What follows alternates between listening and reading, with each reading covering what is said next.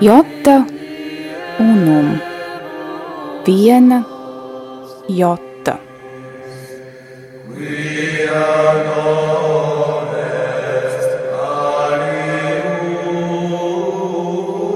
Tradīcija Skaistums, kas paceļas pāri laikam. Skaistais ir paties, skaistais ir labs.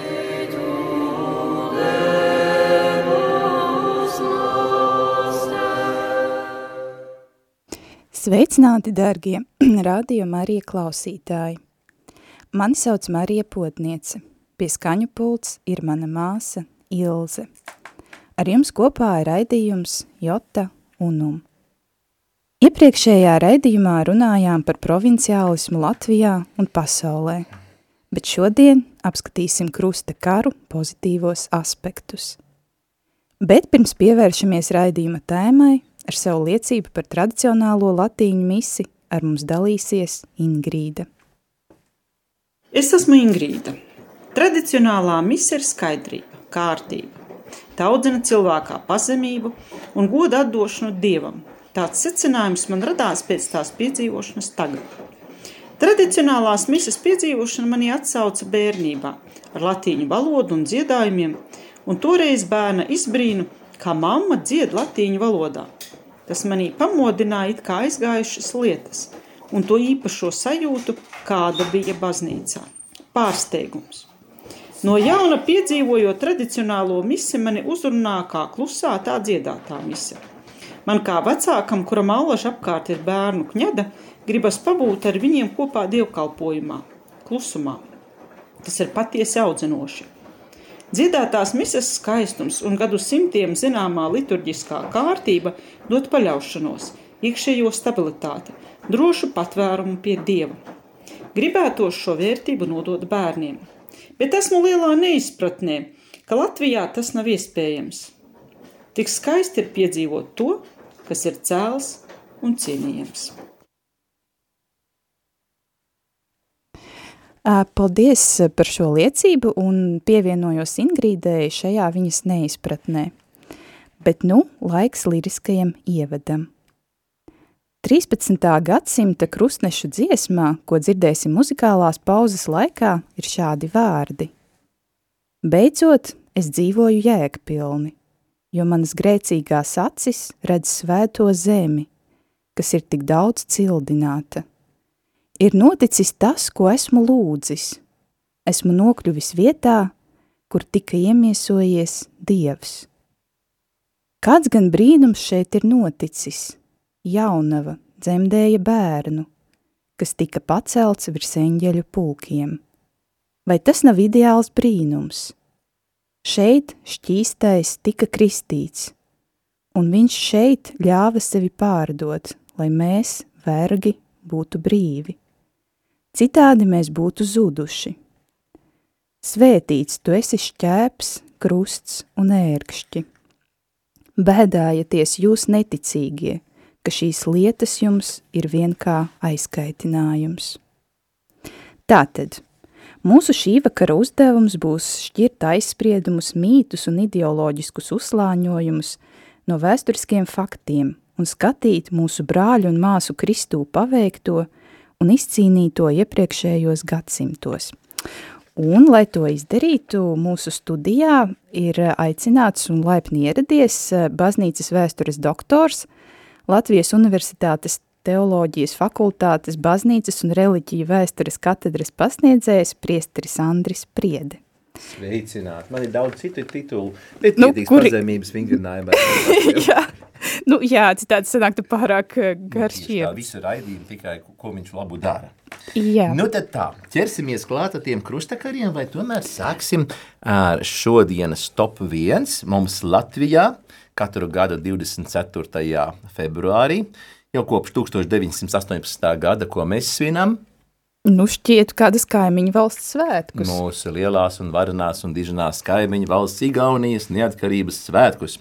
Un eh, tradicionāli arī mūsu dievnamā mēs eh, šajā dienā lasām uh, misē lasījums igauņu valodā un nodziedam arī abas himnas, Latvijas un Igaunijas himnu, tāpēc mums pienāktos šajā dienā arī tātad solidarizēties ar mūsu tuvākajiem brāļiem un kaimiņiem. Jā, tad laiks Igaunijas himnai.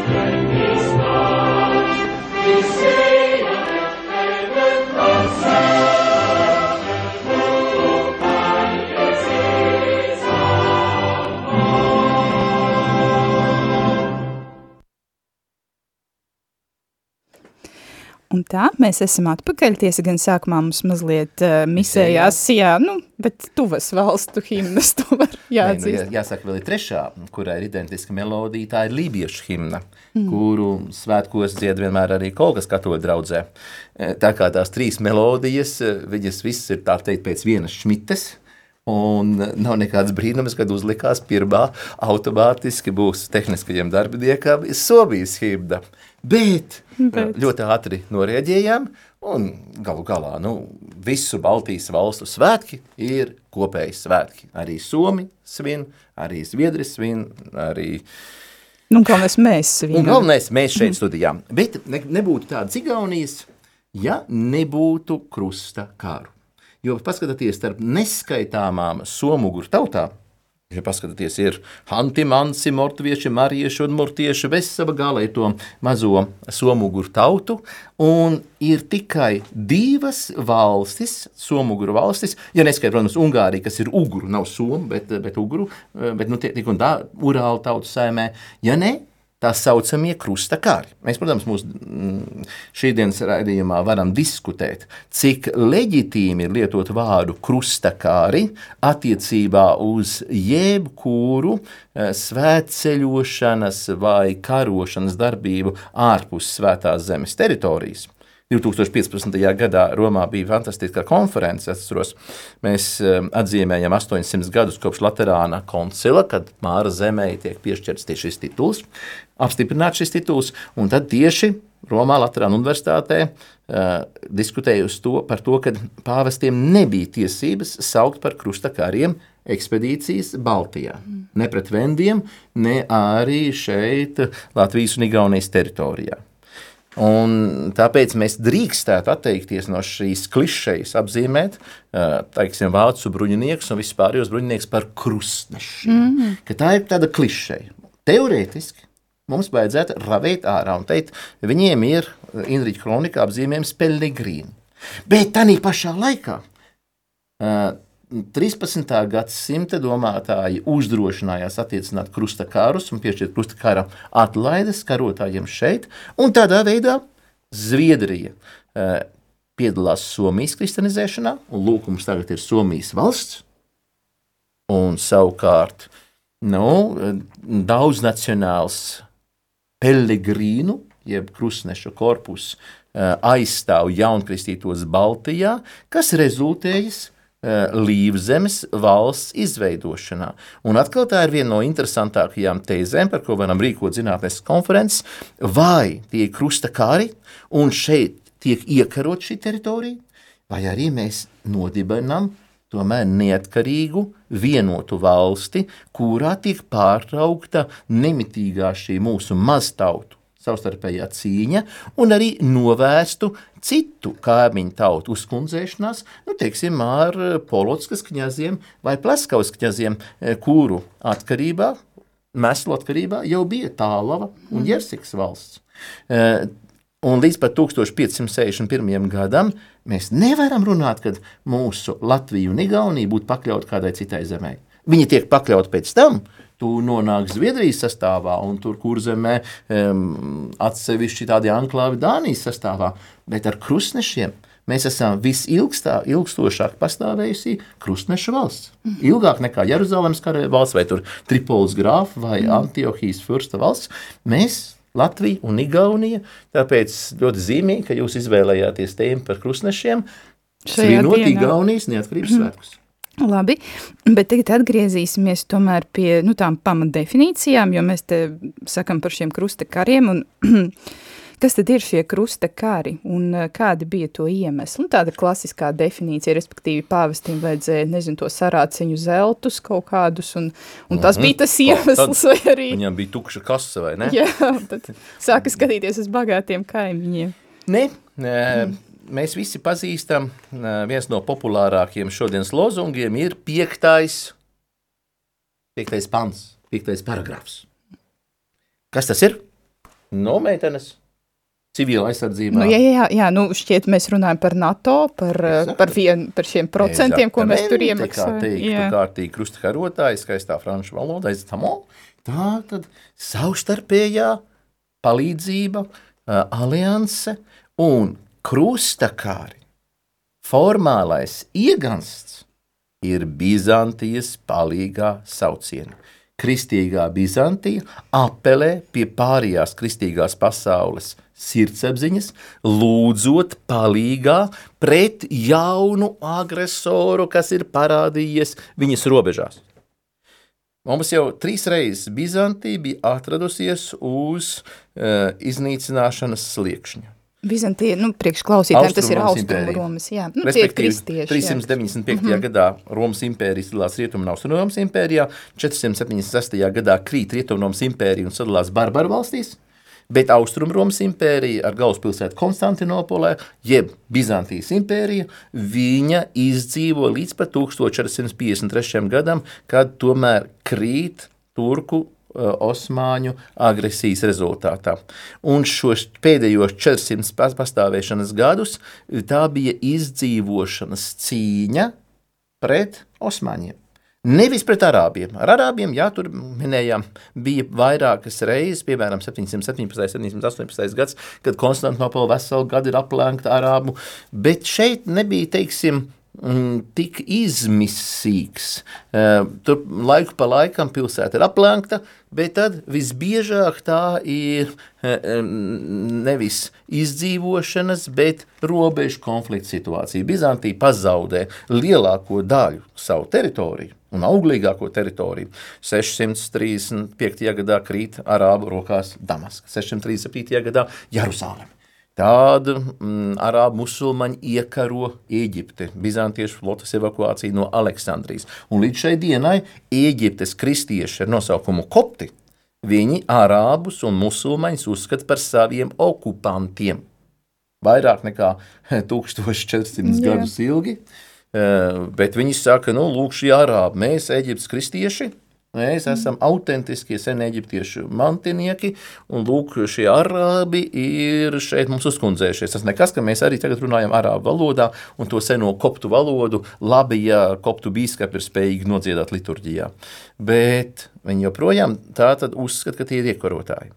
Bizantieši ir pazaudējuši respektīvi lielāko un auglīgāko savu teritoriju, Sīriju, Svēto zemi, Eģipti, Mazāzijas, Austrumu provinces, Armē, Armēnijas uh, provinces, bet uh, zem šiem arābiem uh, kristiešiem varbūt netiek atņemtas kulta brīvības tiesības, un arī rietumu svētceļnieki netiek tik ļoti apdraudēti.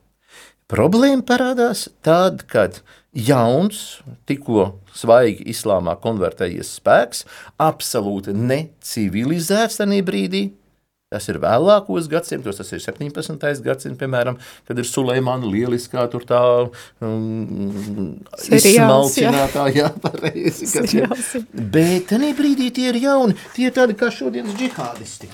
Mm -hmm. Barbari, kas spridzina augšā visu iepriekšējo, uh, Nu, apmēram tieši tāpat kā savā laikā, 5. un 4. gadsimta atsevišķas barbaru, eh, respektīvi ģermāņu cilts, kas laužās iekšā Romas impērijā. Un tad viņi tiek civilizētas. Un piektais pants, kas ir formālais iegans, tātad Bizantija apelē pie rietumiem un saka palīgā. Jo ir noticis pat vēl, piemēram, tāds, eh, tāds precedents kā 1071. gadā Mansikertas kauja, kad eh, Bizantijas imperators Romāns IV. Eh, Diogēns īstais tiešām apzīmējums filozofa vārdā viņam ir. Viņš tiek sagūstīts.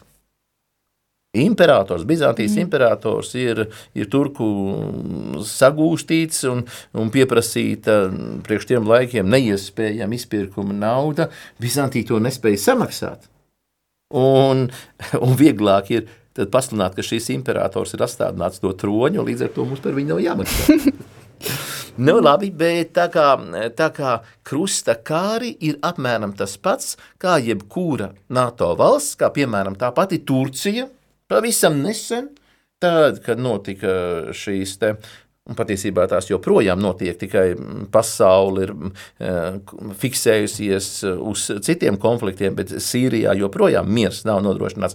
Bet katrā ziņā Turcija pieprasīja, lai iedro, iedarbina piekto pantu, tad, kad Sīrijas Kurdistānā ne, uh, cīņā ar džihādistiem mūsu sabiedrotie, savienotās valstis un pārējās pārāk enerģiski atbalstīja kurdus.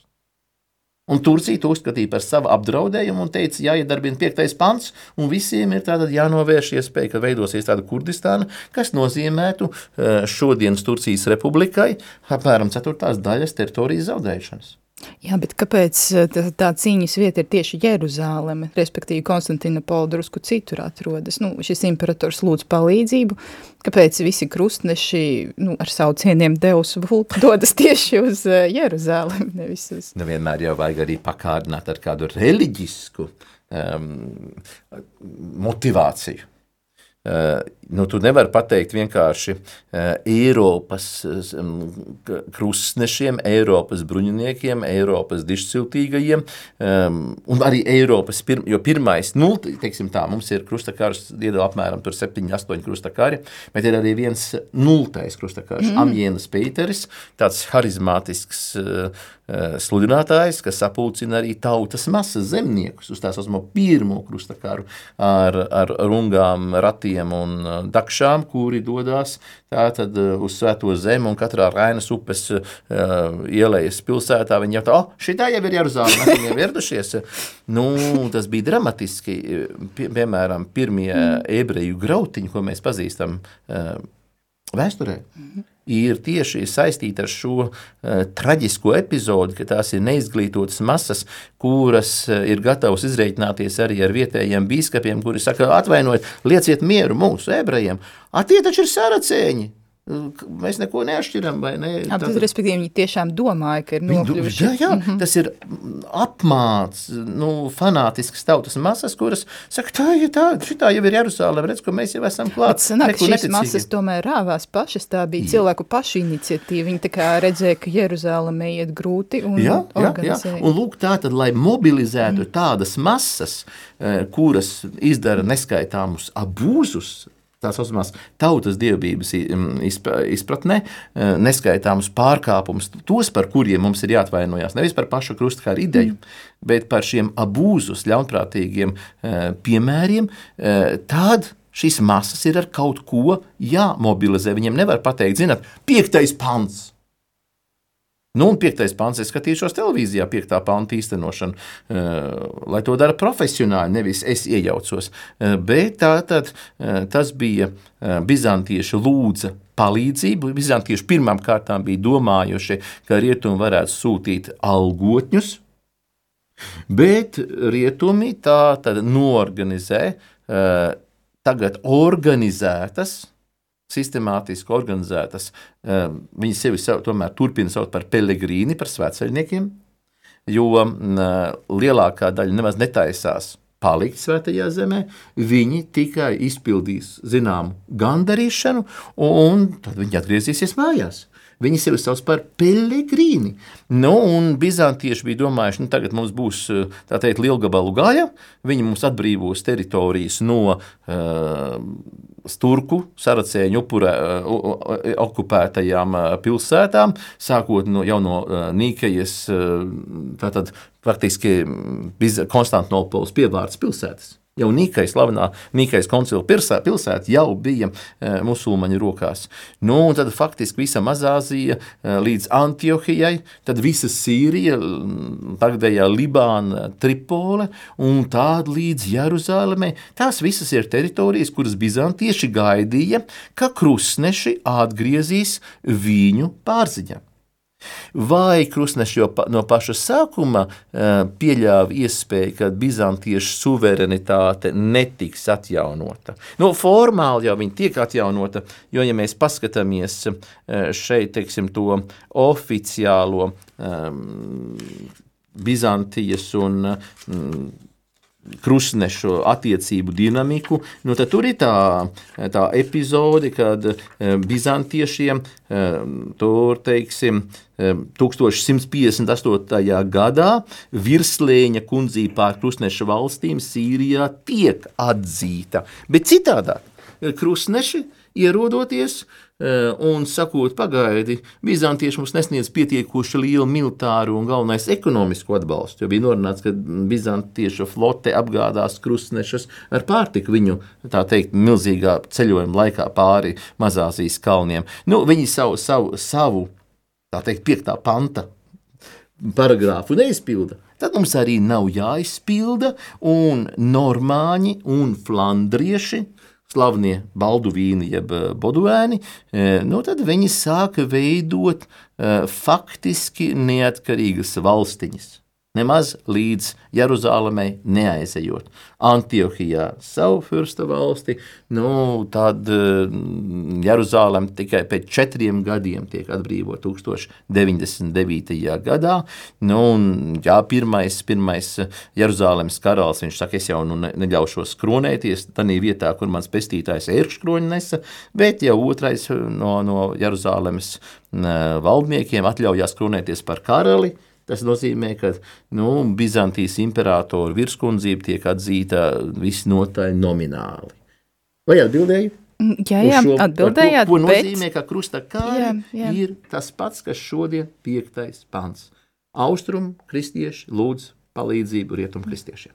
Bet, respektīvi, tad rodas no šī izriet nākamais jautājums, bet kā tad eh, sanāca, ka mēs sākām kaunēties par krustakāriem, kurā brīdī, jo man šķiet, nu, ka Izklausās viss ļoti loģiski, ir šis uh, kristiešu, jā, ir piektais pants, ir kristiešu ciešanas, ir, uh, ir militāra iejaukšanās, kas, uh, nu, mēģina atgriezt visu, kā tas bija, nu, respektīvi kristiešiem praktizēt savu ticību, Bet kurā brīdī tad eh, parādās, nu, kad Bušs tur saka, bet tie jau nebūs vairs krustakari, nu, respektīvi par tām Aha. ASV iejaukšanās eh, tuvo, tuvo austrumu valstīs. Kāpēc krustakaris sāk, nu, kurā brīdī viņš sāk lietot tādā negatīvā nozīmē? Jo... Uh, tur ir divi, mm, divi posmi. Kad mēs sākam kaunēties, jebkura militāra persona kaunās par izgāšanos un krustakāri beidzās ar nožēlojamu izgāšanos. Mēs tūlīt varam diskutēt, kāpēc izgāšanās. Tāpēc, ka saviem studentiem baznīcas vēstures lekcijās pirmais, ko vairākas lekcijas pēc kārtas, atkārtoju, iemācāties teiksim, to skeletu, to schēmu, to periodizāciju. Tad notiek pāreja Rietumē Eiropā no kopkristietības, kas ir visu kristīgo tautu vienība, baznīca kā šīs vienības garants, jeb šīs vienības, nav no, profesora Huberta iedina definīciju baznīca kā intelehija visām kristiešu koptautām. Un tad ar 12., 13., 14. gadsimta pārmaiņām mēs varam runāt par nacionālo, tādā brīdī dinastisko. Šodien mēs to saprotam kā nacionālās valstis, bet, nu, piedod, Lielbritānija, vai tā ir nacionālā valsts? Nu, tā ir dinastiskā zem vienas dinastijas, zem Vindzora dinastijas. Tur ir uh, skoti un velsieši un mēnesis salas iedzīvotāji. Tās ir dinastiskā valsts. Bet šodien mēs lietojam nacionālās valsts emancipāciju, iziešana no kopējās kristietības un sāk prevalēt lokālās, nacionālās valsts intereses pār kopējām. Un līdz ar to tas bija tas um, izšķirošais arguments, kāpēc uh, savstarpēji saskaldītajiem rietumiem pēc pirmo krustakaru panākumiem vairs neizdodas iegūt uh, definitīvus uh, panākumus, un beig, beigās nožēlojama atkāpšanās.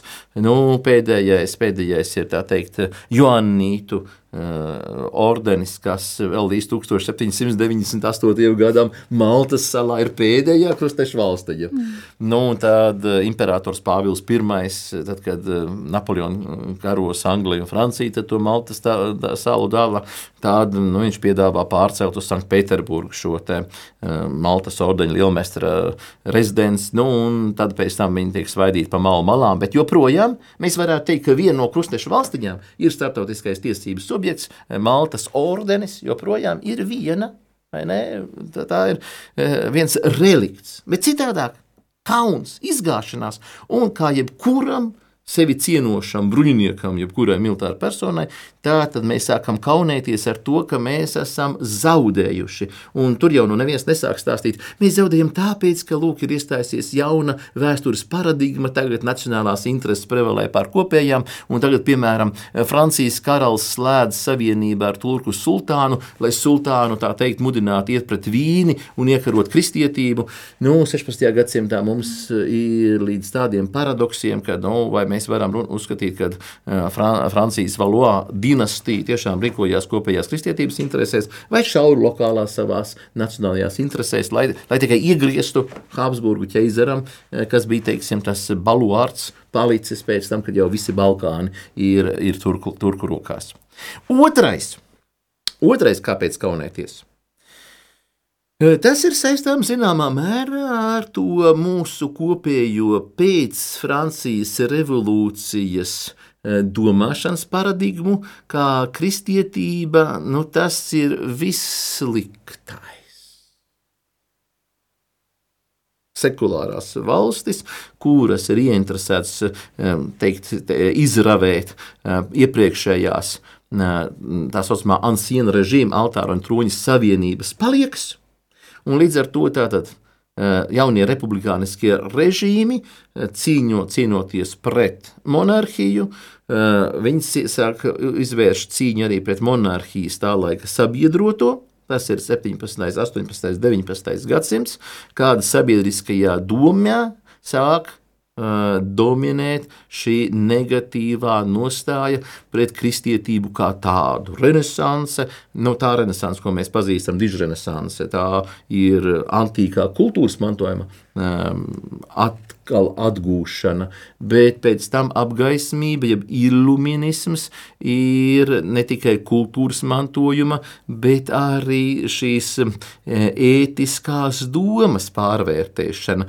cilvēka metafizisko sakņu izravēšana. Cilvēks kļūst ar apgaismības laikmetu nu, tikai e, par kaut ko nu, tik vērtīgs, cik, viņ, cik viņš ir e, darba spējīgs.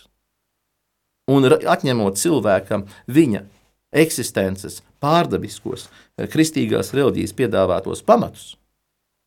Un sekularizējoties, tad nākošais solis ir tas, kad nespējīgais cilvēks kļūst par traucēkli. Un tad mēs nonākam piemēram pie eh, Hitlera eutanāzijas. Mēs zinām, kas apstādināja Hitleram par lielām sirdsāpēm, eh, eutanāzijas programmu nacistiskajā Vācijā. Tas bija. Tagad mēs viņa, viņa beatifikāciju esam piedzīvojuši.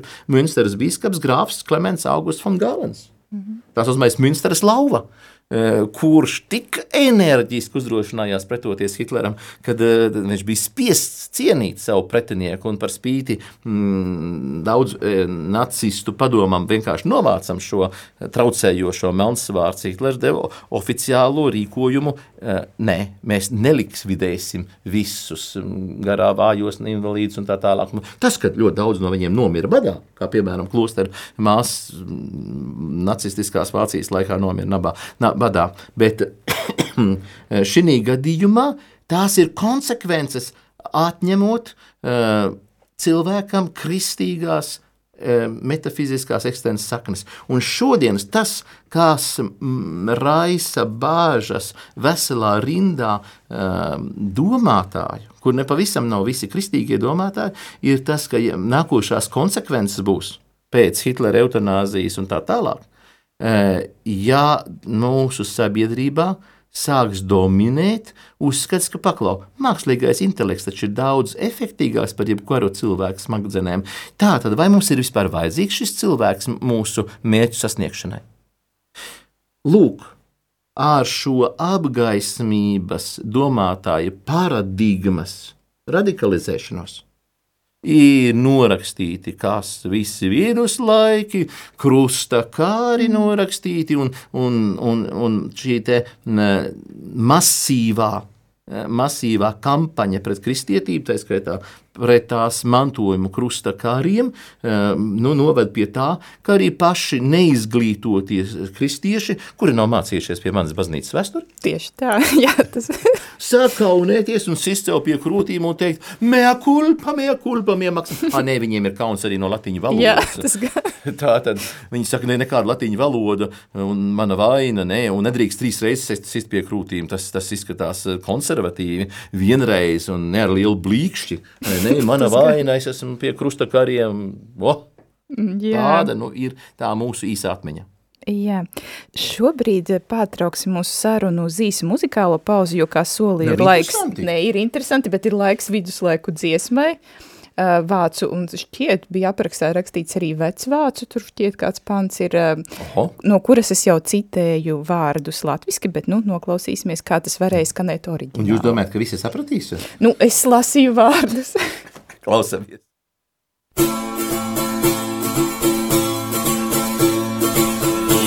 alles lebe ich, wie werde sieht min sündig Gläubel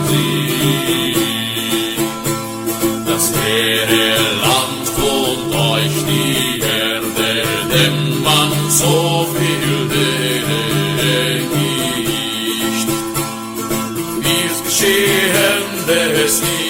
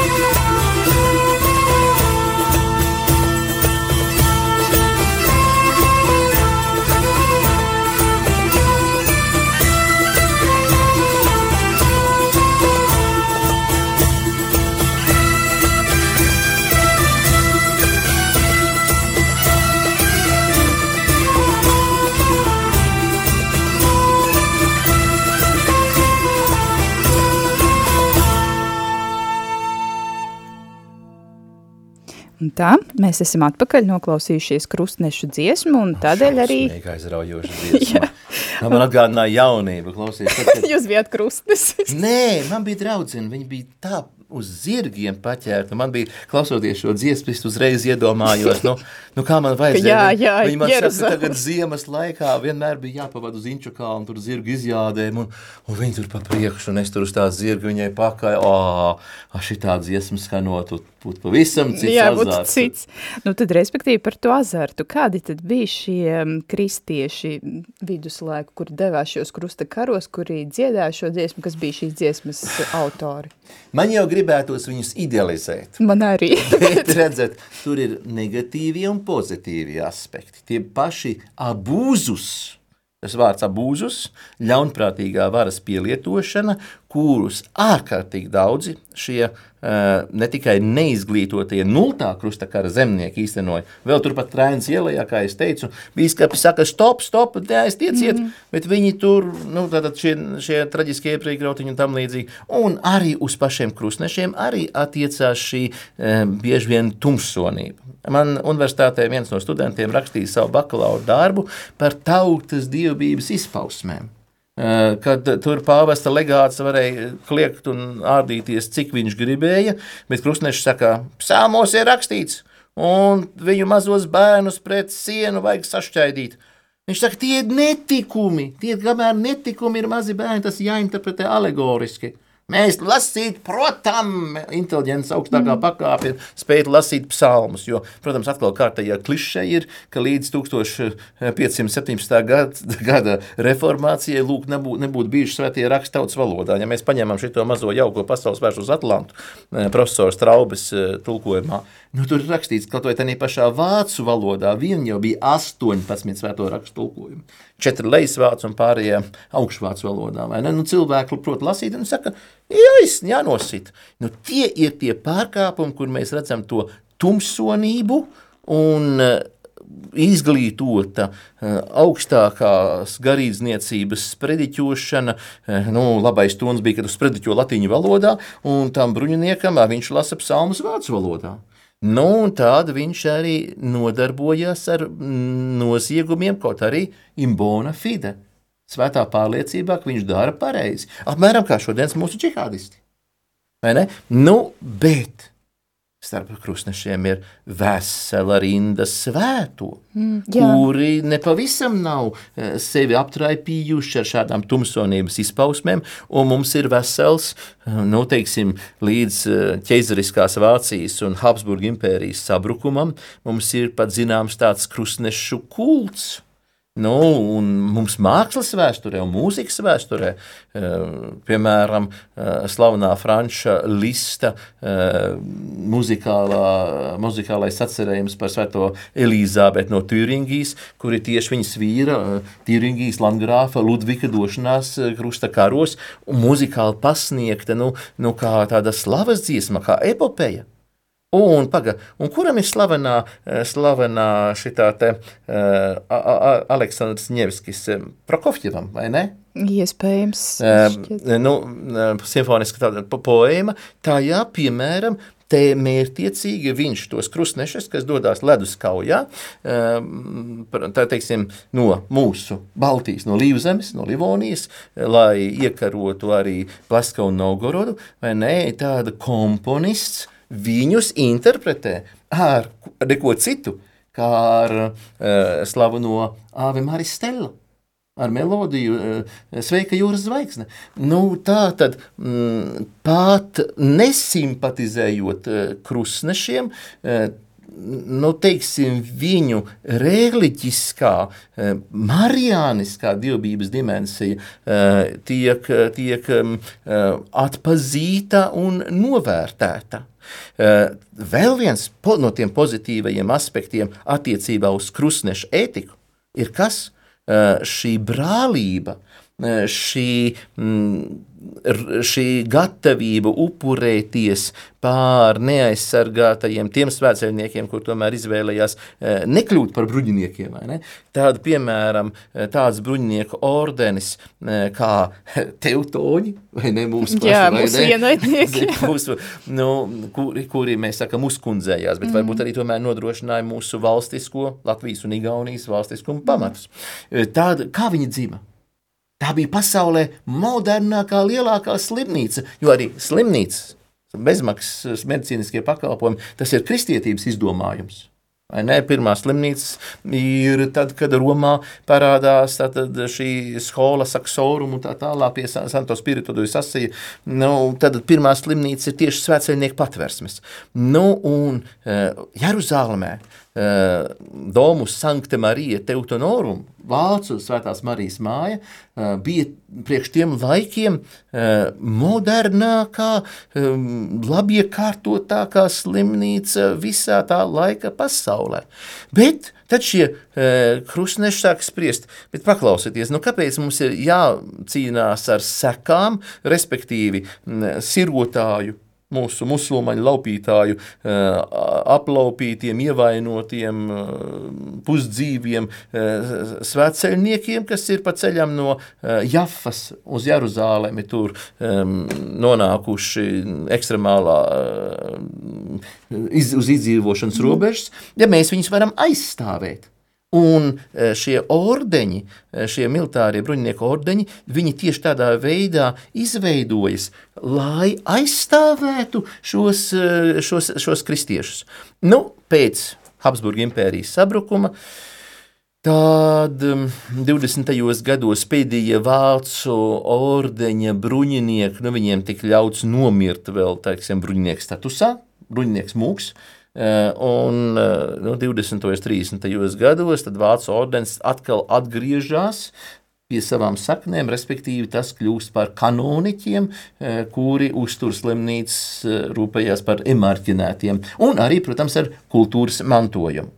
Kultūras mantojuma kopšanu, sabiedriskās domas veidošanu, nu, protams, savu, savu iespēju robežās, bet nu, pieminēsim tagad tādu ļoti kolorītu dāmu, nu, kā sauc rakstnieci, kas ir mums sarakstījis Rīgas sāpju diamātes to, to, to, to romāniņu, un pēc viņas scenārija, nu, patiesībā sakot, zināmā mērā pret viņas gribu, Alois Brenčs sarakstīja to, atcerēju, uz, uzņēma filmu, kinofilmu Anna, šī dāma, būdama dedzīga luterāna, bet viņa bija uzņemta Vācu ordenī, Vācu ordeņa dāma, mūsu rakstniece Astrid Bināra. Mm. Tā tad, mm, ja pat Latvijā dāma, kura saka, man ir lībiešu saknes, un vispār manai vecmāmiņai bija vilka zobs, kaut kas, kaut kas tam līdzīgs, vai ne? vai? Viņai patika to tā teikt, mm. mazliet manipulēt, kā jau raksties, kad domēju, man ir tur lībiešu. Un ja viņai nav iebildumi kļūt par vācu ordeņu dāmu, bruņinieks un sieviete dāma. E, tad e, skaidrs, ka e, šī te, nu, pretkampaņa, šī kristietības rehabilitācijas vai um, apmelojuma atmaz, atma, atmazgāšanas kampaņa, ka viņai bija zināmi panākumi. Nu, un tad jau mēs vēl, protams, varam runāt arī par kopējiem pozitīvajiem rezultātiem. Un šeit, lai man atļaus, lai neteikt, ka profesors Priedi, nu tas jau ir tikai tāds kristietības apoloģēts. Paskatieties, ko raksta mūsu cienījamais profesors Gvido Straubi, tulkojot šo pasaules vēstures Atlantu, fantastisks grāmatas zvaigznā ABC. Iesaku. Tā tad viņš saka, nu labi, krustakāri cieši neveiksmi, jo nespēja visu dalībnieku nacionālās intereses apvienot ar universālo kristietības ide ideju. Viens, Bizantija bija cerējusi uz no rietumu zemēm saņemt palīdzību, bet Bizantijas pretiniece ir Venecija, savu saimniecisko interesu dēļ, un Normāņu teiksim, tur Sicīlijas eh, normāņu valsts politisko iemeslu dēļ, bet bez rietumu un austrumu, respektīvi krustnešu un bizantiešu sadarbības, eh, tā tad, nu, krustnešu valsts nav, krustnešu valstu tālāk pastāvēšana nav iespējama. Taču ir vesela rinda kas mūsu Eiropai ir no krusta kāriem arī laicīgajā vēsturē atzīts. Viens - austrumu tirdzniecība liek uzplaukt Ziemeļitālijas un Dienvidfrancijas pilsētām. Attīstās naudas saimniecība. Rodās vesela rinda bagāto pilsoņu, kur ir jauns dzīves līmeņa pieprasījums, kur vajadzīgas tagad ziepes un, un smaržzāles, un jādzīvo apmēram tā, kā bizantieši aug politiski sadrumstalotās Francijas nacionālā pašapziņa. Viņi to sauc geista dei per frankos. Eh, rietumu kultūras apziņa nostiprinās. Pāvests piedzīvo savus varas apogēju, eh, krusta kārī tā tad mm, ir novērtējami savās kopsakarībās un krusta karotāja portretu Mēs tādu nevaram uzzīmēt viennozīmīgi. Mēs varam uzzīmēt kādu barbarisku, netīru un mirdzošām, nevis, neve, neveselīgi mirdzošām atšķelēm, kas tur gatavs grābt katru neticīgo un, uh, un sist pret mūri. Un mēs varam uzzīmēt tādu kā Svētās Elīzabetes no Turingijas dzīves biedru. Kurš, eh, kurš izstiepja roku eh, katram eh, lūdzējam, neatkarīgi no viņa reliģiskās piedarības. Mēs paskatāmies par visiem tiem baroko operas varoņiem, kuri nemitīgi tur eh, Saladīns un Balduīns ir nemitīgi tie divi džentlmeņi, vai ne? Un karalis Ričards Ralvas sirds, kad mums, piemēram, ir kaut kādas šaha turnīri un tam līdzīgi, eh, tā, tad mums vienmēr nāk prātā, kad nabaga karalis Ričards Ralvas sirds, kad viņš ir arābu gūstā, vai ne, nu, ar ko viņš nodarbojās. Viņš spēlē šahu, viņš ar saviem, ar saviem teiksim, nu, kā lai saka, gūstītāji.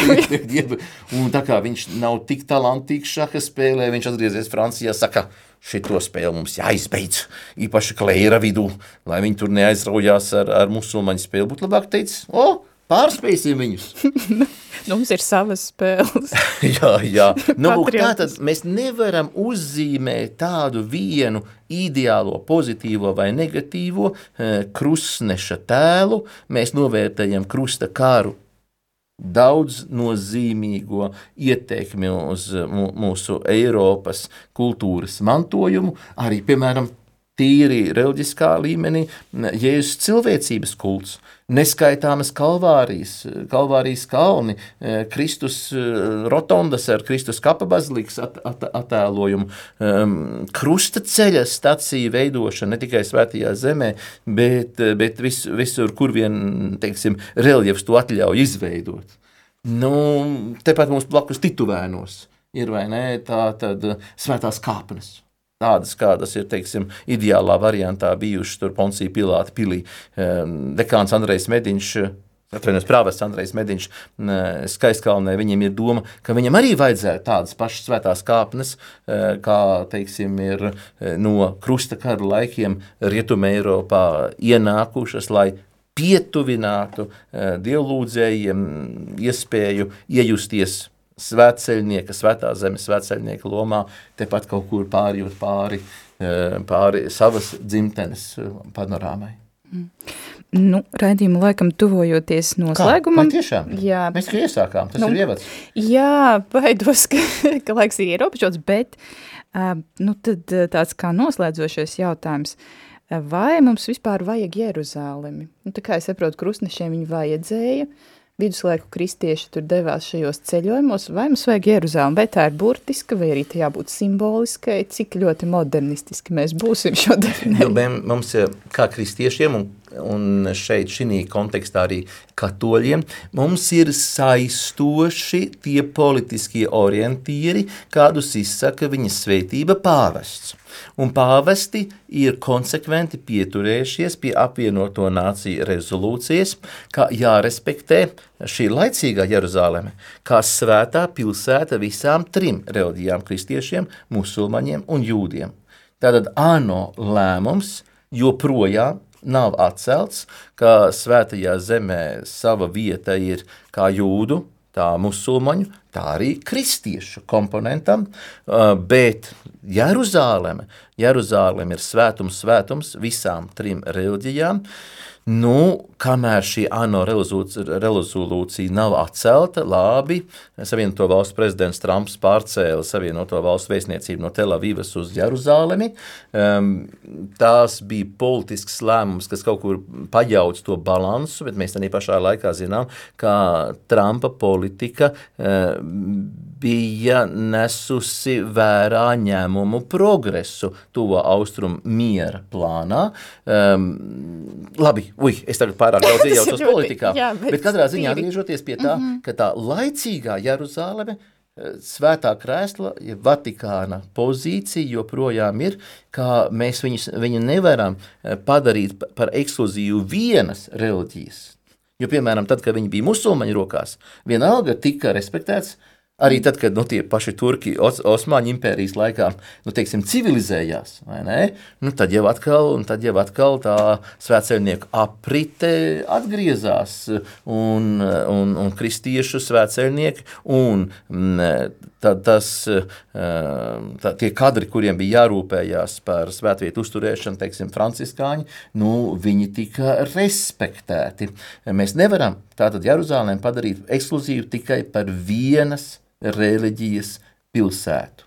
Bet tas nav viens atteikties no viņas, varbūt, nu, kāpēc tas ir nozīmīgi tur tomēr palikt par spīti tam, ka mēs konkurējam ar šiem Jā, citiem. Nu mēs, mēs tur, nu, kristietība tiešām ir ar savu miera plāniem, viņa līdz ar to bieži vien ir zaudētājos, nemitīgi tur paņemot kaut kādu pāvesta miera hartu, vai ne, un ejot ar tādu hartu, nu, tuvjos austrumos, tu tālāk par nākošo krustojumu diez vai tiksi. Bet, nu,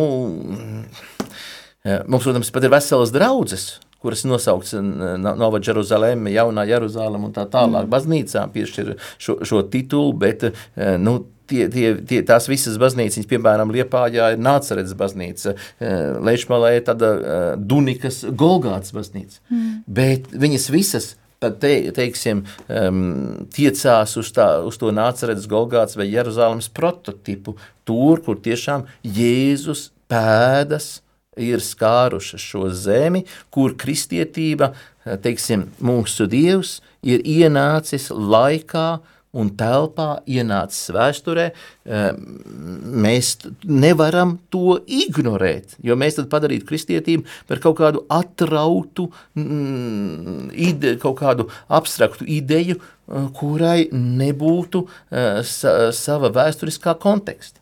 To, ka mūsu, mūsu ticības apliecībā mēs skaitām, kad iemiesos no jaunās Marijas piedzimis cietis Poncija Pilāta laikā, ar to, ka mūsu ticības apliecībā ir viens konkrēts romiešu prokurators. Mūsu ticības apliecība ir ļoti konkrēta, vēsturiska, konkretizēta laikā un telpā. Un, piedodiet, es, esmu, es vadu ļoti daudz turismu un svētceļojumu maršrutus, tā ir mana pirmā profesija – bet es braucu arī uz Svēto zemi. Labprāt! Un, un rādu saviem svētceļniekiem un saku, es esmu sveicināta svētā pilsētā. Tieši tāpatās kā uz Romu, 2025. gadā mēs visi dosimies uh, uz mūžīgo pilsētu, uz jubilejas gadā uz Romu, bet caur visus gadus Katru dienu mēs varam doties svētceļojumā uz svēto zemi. Caur gadu Betlēmē mēs dziedam klusa nakts, svēta nakts, un caur gadu Golgātā mēs dziedam ar galvu asiņai. Nu, respektīvi, mums kā katoļiem ir svarīgs nu, šī arī ma Pieskārties. matērija, nu, tā kā pieskarties mums vajag. Kā evaņģēlis Jānis, kas iegāja Kristus kapā un Viņš redzēja un ticēja. Un tad, kad pestītājs apustulim Tomam saka, sveitīt tie, kas neredzēja, bet ticēja, tad tas ir atsaukšanās uz to, kad Jānis redzēja ļoti maz, tikai sviedrautus.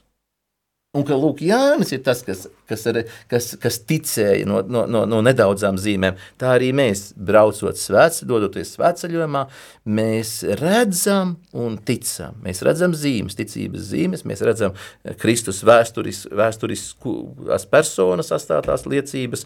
Un, protams, Kristus pēdas ir katrs kristietis. Īpaši tie mūsu ticības brāļi un māsas, austrumu kristieši, kas svētajā zemē ir nodzīvojuši uh, bez pārtraukuma jau 2000 gadus, un kuru klātbūtne ir būtiski nepieciešams uzturēt, lai mēs neteiktu, ka Jēzus pēdas ir laiks un mūsu vienaldzība aizslaucījusi. Paldies jums, priesteri Andri! Bija ļoti informatīvi. Protams, mēs neapskatījām ļoti, ļoti daudz ko, bet, bet varbūt kādu citu reizi.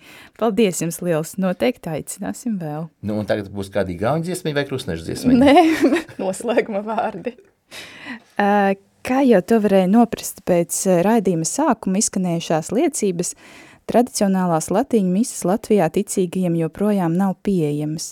Situācija ir nepatīkami ieilgusi, tādēļ jo vairāk lūdzu jūsu atbalstu tās veiksmīgam risinājumam. Pateicos ikvienam par lūkšanām un nodomiem šajā jautājumā. Tāpat Rādio Marija Latvija vārdā pateicos par ziedojumiem radio uzturēšanai.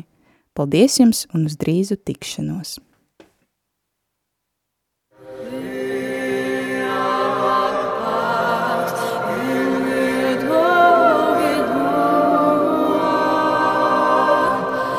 Raidījums Jota Unum ir izskanējis.